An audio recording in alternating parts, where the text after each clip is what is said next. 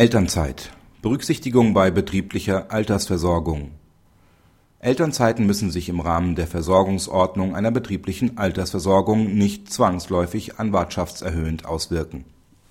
Der zwischen den Parteien bestehende Arbeitsvertrag sieht eine Versorgungszusage zugunsten der Arbeitnehmerin vor.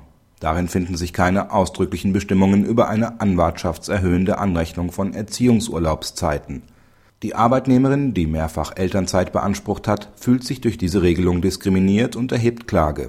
Das BAG hält die Klage für unbegründet.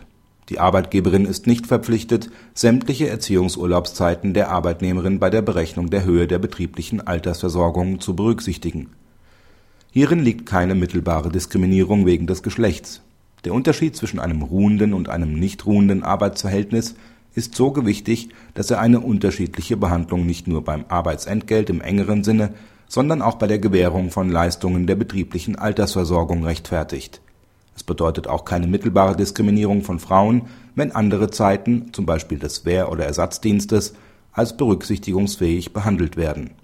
Dies gilt auch unter Berücksichtigung der besonderen Wertentscheidungen des Artikel 6 Grundgesetz. Es entspricht ständiger Rechtsprechung des BAG und auch des EuGH dass das beim Erziehungsurlaub kraft Gesetzes eintretende Ruhen des Arbeitsverhältnisses objektiv eine Anspruchsminderung rechtfertigt.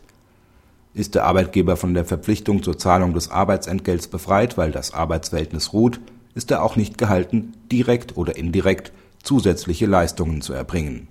Der maßgebliche Unterschied zwischen den Zeiten des Grundwehr bzw. Ersatzdienstes und den Erziehungsurlaubszeiten besteht jedenfalls darin, dass der private Arbeitgeber nach § 14a Absatz 2 Satz 2 Arbeitsplatzschutzgesetz auf die Zeit des Wehr oder Zivildienstes entfallende Beiträge beim Bundesministerium der Verteidigung oder der von ihm bestimmten Stelle bzw. beim Bundesministerium für Familie, Senioren, Frauen und Jugend oder der von ihm bestimmten Stelle zur Erstattung anmelden kann.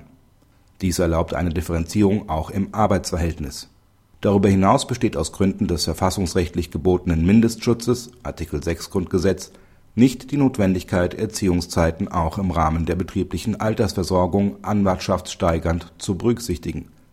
Zu weiteren Entgeltleistungen ist der Arbeitgeber, der während der Ruhenszeiten keine Gegenleistung erhält, noch weniger verpflichtet als der Staat, der anders als bei Wehr und Zivildienst in dieser Zeit ebenfalls keine unmittelbare Leistung erhält.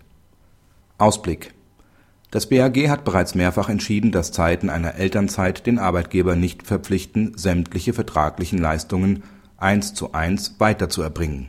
Insbesondere können auch Sonderzahlungen gegebenenfalls gekürzt werden. Eine Ausnahme besteht lediglich bei der Berechnung von Sozialplanleistungen, also Abfindungen, die Erziehungsurlaubszeiten stets als aktive Betriebszugehörigkeit berücksichtigen müssen im Übrigen besteht aber auch kein Automatismus im Hinblick auf etwaige Einschränkungen der arbeitgeberseitigen Leistungspflicht. Vielmehr bedarf es grundsätzlich einer entsprechenden Abrede im Arbeitsvertrag. Fehlt eine solche, lässt sich nur im Wege der ergänzenden Vertragsauslegung klären, ob die betroffene Leistung unter dem Vorbehalt des Wegfalls während der Elternzeit steht. Problematisch in der Praxis sind insoweit immer wieder Dienstwagenregelungen, die keine ausdrücklichen Bestimmungen für diesen Fall enthalten eine Entscheidung zu dem Thema durch das BAG steht noch aus